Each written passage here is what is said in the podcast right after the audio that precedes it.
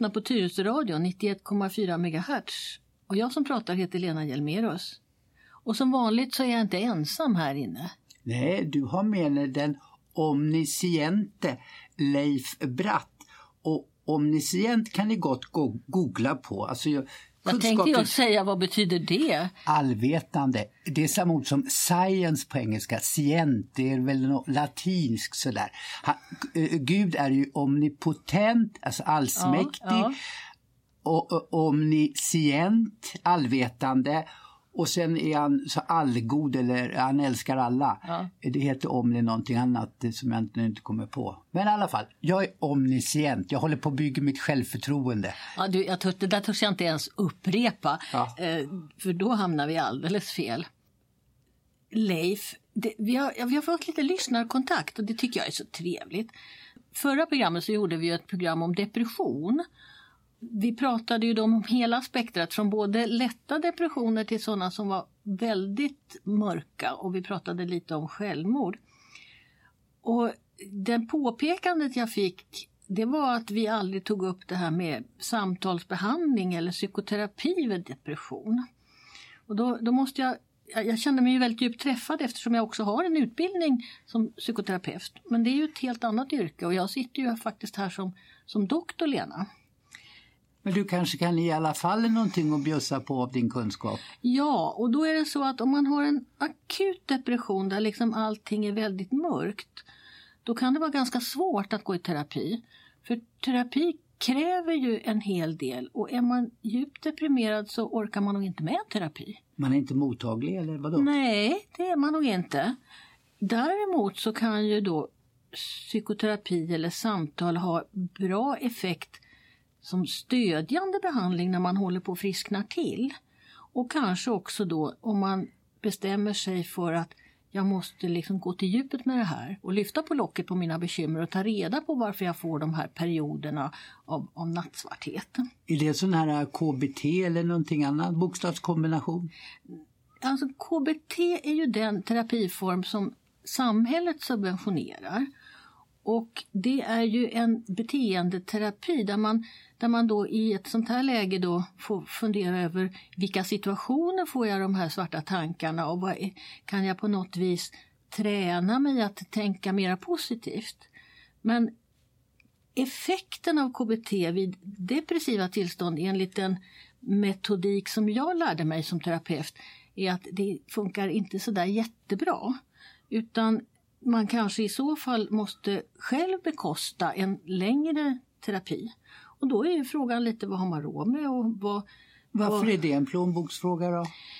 Ja, samhället går inte in och subventionerar den typen av behandling. Däremot så bor man... Men man har fått en diagnos från samhället? Ja.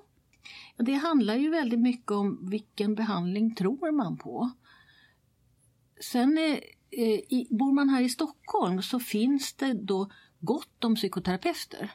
Bor man på andra ställen i Sverige så kan det vara svårt att få tag på en psykoterapeut eller få tid hos en psykoterapeut. Men här i Stockholm så kan, finns det någonting som heter Psykoterapeutiskt centrum. Och där kan man då få kontakt med olika människor som, som tar sig an personer i långvarigare terapier. Och då pratar man alltså om ungefär två år. Men det eh, finns hopp i alla fall? Eller? Ja, ja, visst finns det det. Och eh, Det kan ju alltså vara en ett, ett sätt att komma ifrån det här att depressionerna upprepas och att de kommer tillbaka. Men som sagt, nu sitter jag här som doktor Lena och då ligger jag lite lågt med mitt psykoterapeutiska ja. Eh, synsätt. Och jag ligger ännu lägre kan jag tala om för Ja, vi får prata om någonting som är lite mera... Vi, vi brukar ju avsluta de här terminerna med något som är lite annorlunda. Ja. Ska vi köra ett sånt program idag? Vad har du i åtanke då? Ja, men jag tänkte vi kunde prata om sånt som inte längre finns. Sjukdomar och behandlingar som... Ja, som inte längre finns, det har funnits en gång? Ja, oh ja. Oh ja. Eh, vad, vad, tror du om det? Jo, jag har förstått att man har nu kommer jag inte ihåg på vilken, någon st stor sån här, säga, världsepidemi om man kan, alltså nu har vi utrotat om det nu, TBC eller alltså... det, det, vi har, det vi är säkra på att vi har utrotat det är smittkoppor. Smi ja. Det har Världshälsoorganisationen sagt att det finns inte längre. Men jag tror att faktiskt fortfarande finns något litet provrör med virus någonstans. Men det ska jag låta vara, vara lite osagt. Ja, det är klart att det sitter väl någon knäppgök någonstans och Dr. Strangelove eller någonting sånt där som... Eh, ja, man, man, när man tänker nog snarare så att, att om det skulle uppstå igen så måste vi ha möjlighet att ta fram eh, möjlighet att vaccinera. Men att smittkoppor är borta från det beror ju på att vi har vaccinerat. Och det började man på, redan på 1700-talet med. Eh, och det är en jättespännande historia egentligen om, om en eh, mejerist som eh, fäste sig vid att de som levererade mjölk, mejer, de som mjölkerskorna, de fick ju ofta kokoppor av korna. Och då visade det sig att de fick någon slags eh, motståndskraft emot smittkoppor som var vanligt. Du säger kokoppor och så säger du smittkoppor. Är det, jag kan ju ana eftersom det är två namn att det är två olika saker men hur hör de ihop? Ja, de är väldigt lika och det visade sig, först så började man faktiskt att försöka vaccinera med smittkoppor. Men mot smittkoppssjukdomen med smittkoppor. Men det visade sig att det var lite vanskligt för en del blev ju jättesjuka. Och när man sen kom på att man kunde vaccinera med kokoppsämnet istället då, det var ju då vi lyckades att utrota smittkoppssjukdomen. Och de är alltså väldigt lika de här men ändå inte riktigt samma sak. Men kroppen svarar på samma sätt. Men den metodik man då använder för att göra slut på smittkoppor, varför går den inte att använda på andra sådana här smittsamma sjukdomar? Man säger ju snarare att det är risk för, alltså det här med barn har öroninflammation och, och, vi skriver ut för mycket penicillin och så blir de resistenta istället, istället för utrotade. Vad gör vi för fel då? då? Ja, det gör, man försöker ju att hitta vaccin mot både virus och bakterier. Och vi har ju nästan nu lyckats utrota polio, barnförlamning. Ehm, det finns fortfarande lite grann polio kvar i världen men det kommer att vara helt borta inom tror jag, nästa tioårsperiod. Vi har, om vi bara ser till Sverige, så har vi ju lyckats bli av med kolera som vi hade ganska mycket. Det finns kolera kyrkogårdar om man åker runt i Sverige så kan man stöta på sånt. Och vi har i stort sett utrotat den tbc som uppstår i Sverige. Det finns fortfarande människor som kommer till Sverige och har fått med sig tbc från utlandet. Men vi har ingen, ingen smittkälla i Sverige. Och sen har vi också utrotat malaria. Vi har faktiskt haft malaria i, i Sverige också, malariamyggor. Men det där var ju sjukdomar på den tiden när vi var väldigt dåliga med våra hygieniska förhållanden. Eh, kolera sprids ju med vatten. Eh, malariamyggorna var, trivdes väl också kanske i smuts och e-, elände och tbc var ju också en sjukdom som hörde ihop med trångboddhet och när man hostade på varann och man inte hade eh, mjölk som var pasteuriserad. Så att vi, vi har vidtagit vettiga åtgärder och på det sättet så har vi alltså blivit av med en hel del sjukdomar. Ja, mm. fast en del, en del hinner vi då inte med. Eller vad beror det på att de blir resistenta istället för besegrade? Ja, det är ju att bakterierna hela tiden förändrar sig. Och, och det är ju ett ständigt kamp i den här mikrobiologiska världen där både bakterier och virus och annan, eh, får man säga så, skit ingår. Eh, att de här smittämnena de förändrar sig så att det vi vi har ju inte haft antibiotika mer än ja, vad är det, sedan 1940-talet, det är 80 år. Så att eh, bakterierna har ju ett stort försprång. Och det, det, är det här nu tror jag ändå som kommer att bli problemet i framtiden. Men nu ska vi inte prata om framtidsproblem, vi ska prata om de, de bra sakerna som vi liksom inte längre har. Ja, men jag är en sur gammal gubbe ju, så att, ja, ja, jag ska försöka skärpa till mig. Akta dig så du inte får rödsot. Vet du vad det är? Det finns väl, sot var väl ett samlingsnamn för, för att det är bara sjukdom ungefär? Ja, eh, sot. allvarliga sjukdomar. Ja. Och eh. röd, ja, det, då blev man röd. Nej, man fick dysenteri, man, man sket blod. Ja, men det, då förstår jag var det röda kommer ifrån. Ja, och det, och det är också en sjukdom som i stort sett, vi, vi har den inte i Sverige, men man kan alltså råka ut för den om man är, lever under svåra för, krigsförhållanden utomlands. Men det, det, nu kanske inte det har, nej, nej, inte kanske, det har ju naturligtvis inte med rödsot att göra. Men jag tror jag får, var och varannat år så får jag en litet kuvert från landstinget där jag ska ta prov på min avföring, att det inte finns blod i den. Mm, då letar man efter tjocktarmscancer. Och det har ju också varit... Det är slags rödsot. Ja, det, det, skulle vi kanske kunna döpa det till för det är ett av de första tecknen och det är, kommer tidigt så att då kan man hitta de här cancercellerna innan det så att säga har blivit farligt, riktigt farligt. Mm. Så det ska man lämna in de, när man får sådana där små kuvert och skicka mm. in. Men rödsot är utrotat? Ja, det kan vi väl säga. Men hur, vad, vad berodde det på då? Vad var det man... Ja, det var dysenteri. Det är en speciell, uh, en speciell tarmsjukdom. Och det var alltså vanligt då på den här tiden när man hade så väldigt dålig hygien. Men alltså dysenteri är någon in, in, Det är en infektion. Infektion, ja. Det, och då kunde man sen bekämpa den och sen så är dys, dysenteridumheten, den är nu borta. Ja. ja. Det där med sot, det fanns också något som hette bleksot. Och då har jag svårt, om, om rödsot fanns ju logik för men jag tänkte gulsot, nej ja, gulsot ja, finns gulsot ju, men jag tänkte att det kom på framsidan. Ja. Men, eh, eh, men eh, nej, bleksot, nej inte nej. Och den, den, den kunde inte du få, det var väl tur. Vet du varför? Ja, det måste vara könsrelaterat. Ja, och det var en sån här diagnos som man diskuterar väldigt mycket om det verkligen var en sjukdom eller inte. Det kallades också för kloros. Alltså, klor är ju grönt. Det var någonting som man tänkte eller trodde eller påstod att unga kvinnor på 1800-talet hade. Um, och det var alltså, den försvann på 1920-talet. Och man, man, tror att det var en kultursjukdom. Alltså, det berodde på att kvinnorna var hårt snörda, de fick inte gå ut, de fick dålig mat, de, de fick inte, ja de hade järnbrist. Och eh, när vi började liksom befria kvinnorna från de här korsetterna och släppte ut dem utanför lägenheterna, då, då försvann den här sjukdomen. Om den nu överhuvudtaget hade funnits. Men vad var symptomen då när man... Så, de, var, de var svaga, de var riktigt sjuka. De var, hade huvudvärk, de förlorade sina menstruationer, de var magra. Det var alltså, ja, de svalt. Kan man säga då så här, eh, eller jag tolkar det så när du berättar, att en sjukdom det är en yttre faktor som har träffat på mig och, och alltså, baskelusk eller virus eller någonting annat. Eh, och så blir jag sjuk av det. Men det här var ju citationstecken själv, kulturellt självförvållat. Den ideala kvinnan var snörd ordentligt och, och höll sig hemma och allt det där. Mm. Mm. Och, och då fick det sjukliga konsekvenser. Ja, kan man säga så? Det kan man säga och det var ju fint då att inte utsätta sig för sol och att det, ja, det fanns väl kanske inte heller så mycket mat.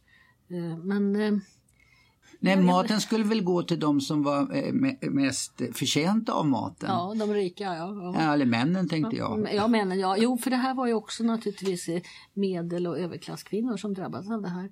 Det, det finns böck, en bok som jag letade förtvivlat efter, för jag har haft den, av den numera avlidna professorn i idé och lärdomshistoria i Uppsala, Karin Johannesson. Och hon skrev en bok på 90-talet just om de här kvinnorna och kvinnosjukdomarna och den här klorosen som var. Det var alltså en jättevanlig sjukdom. Det var bleksot och sen var jag inne på gulsot, eller ja, kanske du också är? Ja, och den finns ju fortfarande. Eh, och det är ju då en inflammation i levern. Och det ska vi, jag tror, tänkte att i höst ska vi göra ett, ett speciellt program om leverinflammationer. Så vi sparar gulsoten till dess. Men eh, vad, har du någon aning om varför sot är ju sjukdom då säger vi. Det är ett äldre mm. ord för en eh, allvarligare sjukdom. Mm. Varför är det färger eller nyanser som får vad är det för gult med gulsot? Ja, man blir, man blir gul i skinnet och gul i ögonen. Och det, det här är ju, de här namnen de har ju uppstått då på 1600-1700-talet innan vi hade någon aning om att det fanns något som hette bakterier eller, eller virusar eller något sånt. Och då, då benämnde man sjukdomar helt enkelt efter hur folk såg ut. Ros är ett annat sånt där gammalt uttryck för en inflammation, att när det är rodnad på ett ställe. Ja. Ja, men som sagt, de där sjukdomarna de, de, de är borta nu. Eh, sen finns det också en del sjukdomar som i, i bondesamhället levde vi ju så nära djuren. Eh, så att vi fick ju en del sjukdomar som egentligen är kanske mest kända som djursjukdomar. Det fanns en, en svår sjukdom som hette ROTS, eh, R-O-T-S. Och det är en sjukdom som drabbar hästar och människor. Och den anses också vara helt nu borta. Och så hade man ett misstänkt fall i Tyskland för några år sedan. Det stod en del om i tidningarna. Sen var det nog så att det inte var en riktig äkta rots. Men den var, den var vanlig då vid, för hundra år sedan.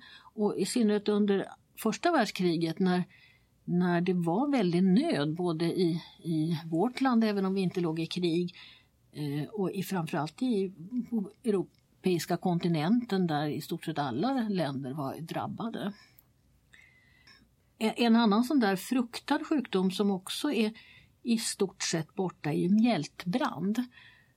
Den är lite lurig därför att den kan den bildar eh, sporer och de kan överleva upp till 100 år. Så där, där har det fortfarande inte gått så lång tid så att vi kan säga att den är helt borta. Och man blir, det är en sjukdom som man är jätterädd för för den är verkligen en otäck sjukdom som drabbar både människor och djur. Men, men som sagt, till, om vi nu håller av den hoppfulla tonen så är både rots och mältbrand sjukdomar som vi inte längre har. Nej, men då nu det här som inte längre finns och då kanske man ska ha ett visst tidsperspektiv på det. Men jag tänker för kanske 20 år sedan ungefär så pratade vi om galna kosjukan. Alltså vi människor kunde mm. få galna kosjukan. Mm.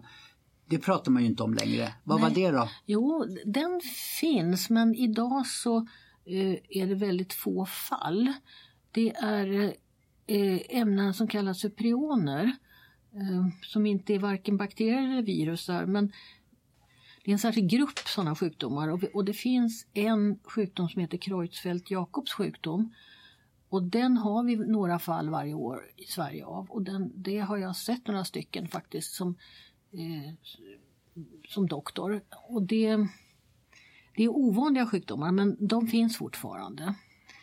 Eh, däremot så eh, gjorde man ju en massiv insats då i framförallt England där man hade ett utbrott av det här. Det, det, är lätt att glömma men det slaktades ju massor med djur för att få stopp på det här. Det spreds ju då via eh, kokött till människa. Men när vi då pratar om djur och sjukdomar som har försvunnit så kan jag väl också säga behandlingar, jag tänk, tänk behandlingar som har försvunnit. Mm.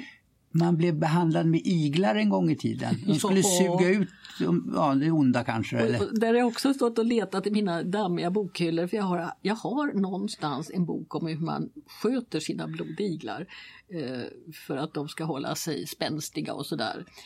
Och med väldigt vackra bilder var man ska sätta dem någonstans när man har ont på olika ställen. Men den, min igelbok har försvunnit. Eller jag hittar den inte. Det sägs mig att det, det fanns någon sjö, eller mindre vattenhåldrag på Brevikshalvön som var känt där man gick alltså plock, de var ja. leverantör till... Ja. Eh, och, och, det var ju så att man, där fick människorna gå ner i de här vattnena och så fick de stå där tills iglarna hade satt sig och sen plockade man bort iglarna och sen så eh, förvar, såldes de via apotek då. Eh, och så gällde det att ha pigga, pigga iglar hemma. Och på den tiden skulle då ungefär som akupunktören nu vet var han ska sätta nålen förhoppningsvis mm. för att göra mm. någon lindring då. då. Så, så var man igelexpert och visste man var någonstans på kroppen man skulle sätta igeln vid ja. olika in i munnen med tandvärk, det tycker jag fortfarande är det häftigaste stället. Ja. Uh, jag, jag, har svårt att föreställa mig det. jo men trodde man på det så...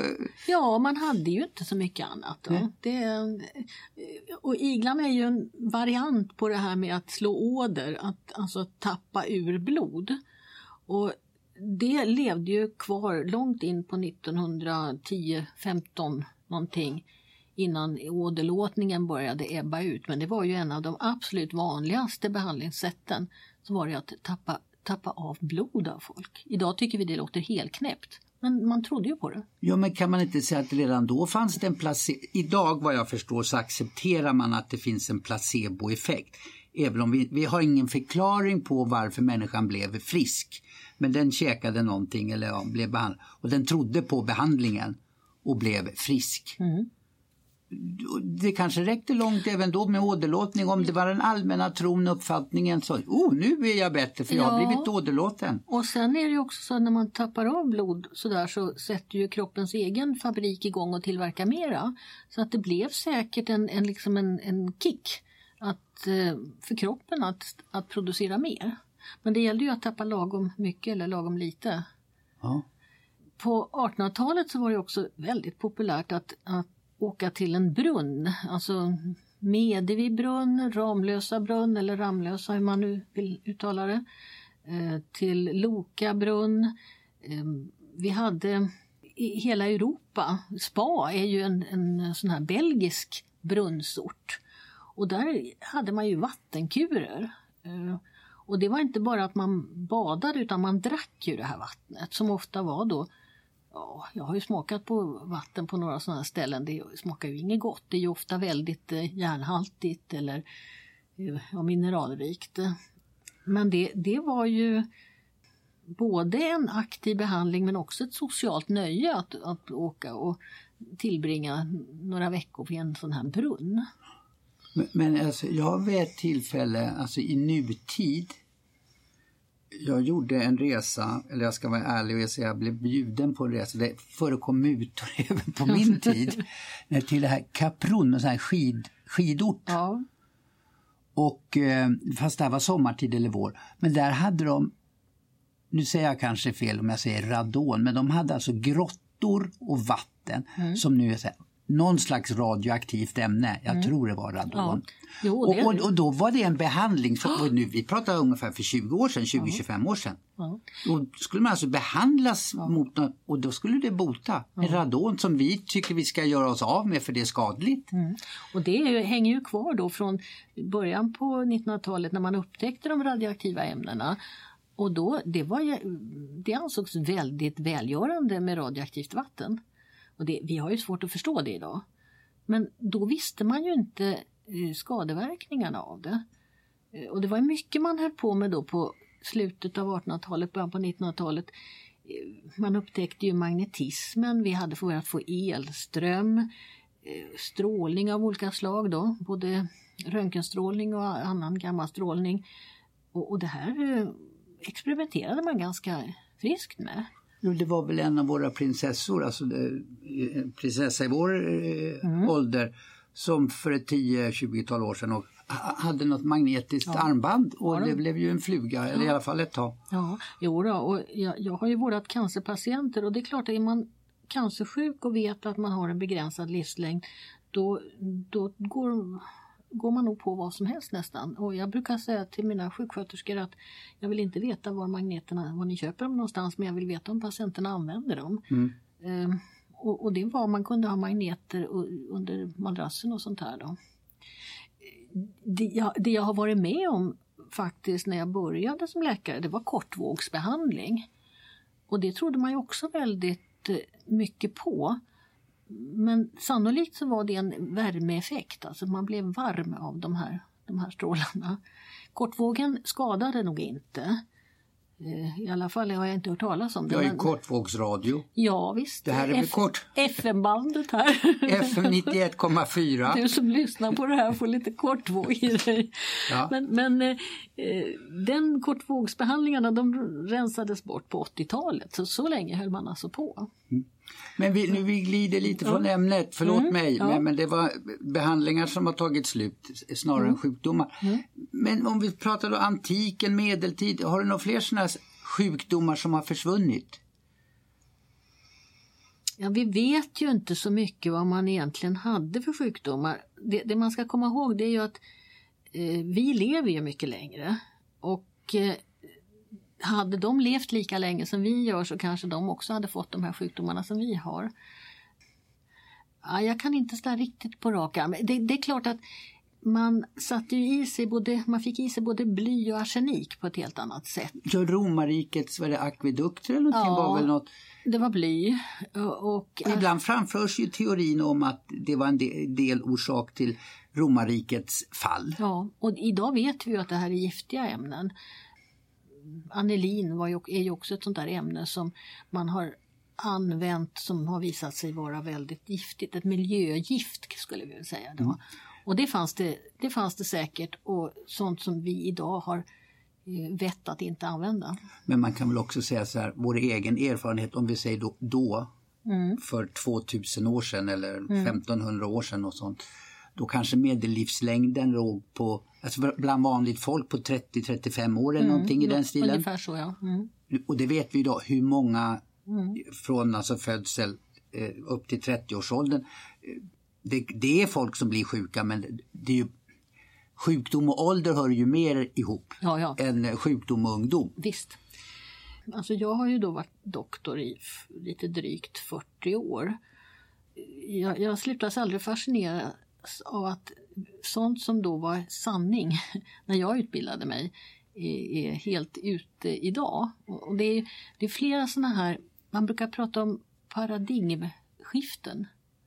Ska... dominant synsätt, kan man översätta det med det? Ja, eh, det, har, det har diskuterats väldigt mycket om det inte skulle heta paradigmbyte egentligen. För att man, man byter synsätt. Men det som är sanning då vid en tidpunkt Sen så kommer det vetenskapliga rön och så plötsligt så är det tvärtom. Eller inte tvärtom, men det är, helt, det, det är inte sant längre det som man trodde förut utan nu är det en, en annan sanning som gäller. Du, medicinen är inte ensam om detta fenomen. Eh, ekonomin är full av dem. Alltså vad är sund ekonomi? Det har skiftat under historiens gång och det lustiga är att eh, det dominanta synsättet det har följt eh, makthavarens inställning. Vad gynnar makten? Och så har man presenterat olika lösningar. Så, säga, merkantilismen, mm. det var alltså en ekonomisk teori om hur blir envåldshärskaren rikare och rikare. Och då handlade det om att det var bättre att sälja mer än man köpte. Det var åka ut på såna upptäcktsresande för att hitta guld på andra ställen och sådana saker och ta tullar och allt möjligt. Idag ska vi ha frihandel istället. Eh, och då är det ju andra krafter än kanske en, eh, monarker ja, som styr. Eh, och tjänar pengar. Och, ja. ja, och när det gäller sjukvården då, då har det ju varit männen väldigt mycket. Det jag, det jag tänker väldigt ofta på det är just hur patientens ställning i sjukvården. Alltså, vi på 80-talet så fick vi nya lagar där, där patienten skulle bli mer delaktig både i, i vad som hände, få reda på information om sin sjukdom och också vara med och ta beslut. Och idag, nu tycker vi ju det är alldeles självklart att liksom patienten som det handlar om ska, ska vara så väl informerad som möjligt. Men då på 70-talet när jag började då var inte det alls självklart. Och i många andra länder så finns ju fortfarande den, det synsättet som vi hade på 70 80-talet. Det finns fortfarande kvar, det vill säga eh, det är sjukvården som sitter inne med all sanning och, och den som är sjuk är, är i totalt underläge. Jo men nu har vi ju då nätet där vi kan söka på mm. vår diagnos och där finns det ju också får jag säga, mer eller mindre seriösa sajter. Ja, och, och där är ju problemet att det kan dyka upp påståenden. Nu är ju president Trump och hans fake news, alltså eh, sanningar som inte är sanna. Och i, i, den vetenskapliga världen då, där sjukvården faktiskt ändå huserar, där pratar man om att man måste ha ordentliga studier innan man kan säga om någonting är bra, effektivt eller inte. Man måste ha vetenskaplig evidens, alltså bevis för. Och de här bevisen de måste formuleras på ett visst sätt. Och, och annars så råkar man ut för sånt här som den, den här berömde kirurgen Macchiarini och hans plastluftstrupar. Man måste ha eh, testat på vissa sätt när man gör de här studierna. Man måste vara Eh, de följer ett visst regelverk och, och, det går inte bara att säga att det här är så bra utan det måste faktiskt finnas en källa, underlag för det. Men är, är inte det också underställt, eh, jag var inne på det ekonomiska, att de som är potentater på området, det, alltså, det tar tid att rubba deras cirklar. Om de för 20, 30, 40 år sedan hade bestämt sig att TBC beror på glass, man äter mm, glass. Mm. Så de vill ju vidmakthålla sin sanning så länge det överhuvudtaget är möjligt. Fast där är det nog ändå så att inom sjukvården när man, när man gör ett sånt här paradigmskifte så kan det gå jättefort. Och ett av dem som gick allra snabbast det var synen på magsår. För där trodde man ju väldigt hårt på att magsår berodde på att man fick för mycket magsyra och att det i sin tur berodde på vad man åt och hur man, på vilket sätt man levde. Och sen så plötsligt så var det då en bakterie som gjorde de här magsåren och behandlar man den bakterien så får man inte, läker magsåret ut och så kan man skyddas och får inga magsår. Och det, det, där gick bara, bara på ett par år. Ja, men man kan väl säga att det finns andra eh, former som har haft lite trögare i portgången. Eh, jag tänker på akupunktur och ja. zonterapi och sådana ja. saker. Och akupunktur är ju idag accepterat vid vissa tillstånd. Inte sådär allmänt generellt men vid vissa tillstånd så vet man att det är effektivt. Zonterapi i, i Sverige så är inte det accepterat som en, en vetenskaplig eh, metod. Eh, men det betyder ju inte då att det kanske i alla fall har effekt hos vissa människor vid vissa tillstånd. Och sen är det ju då precis som den här eh, bleksoten, det är också kulturellt. Den österländska medicinen skiljer sig väldigt mycket från den västerländska medicinen. Och, och det får vi nog acceptera. Rökning på 50-talet det ökade i alla fall på ens manlighet. Ja, och idag så eh, försöker vi att inte röka alls. Ja. Du, nu har vi pratat en hel halvtimme. Ja, vad svårt det är. Vad fort det går. um, ska vi runda av det här på något vis då? Ja, kan man tänka, kan du se framför dig att du ser eh, sjukdomar som har försvunnit? Eh, nu, bryta benet kommer vi väl säkert alltid att göra någon gång, olycksfall och sådant. Men alltså man säger virus och bakteriesjukdomar.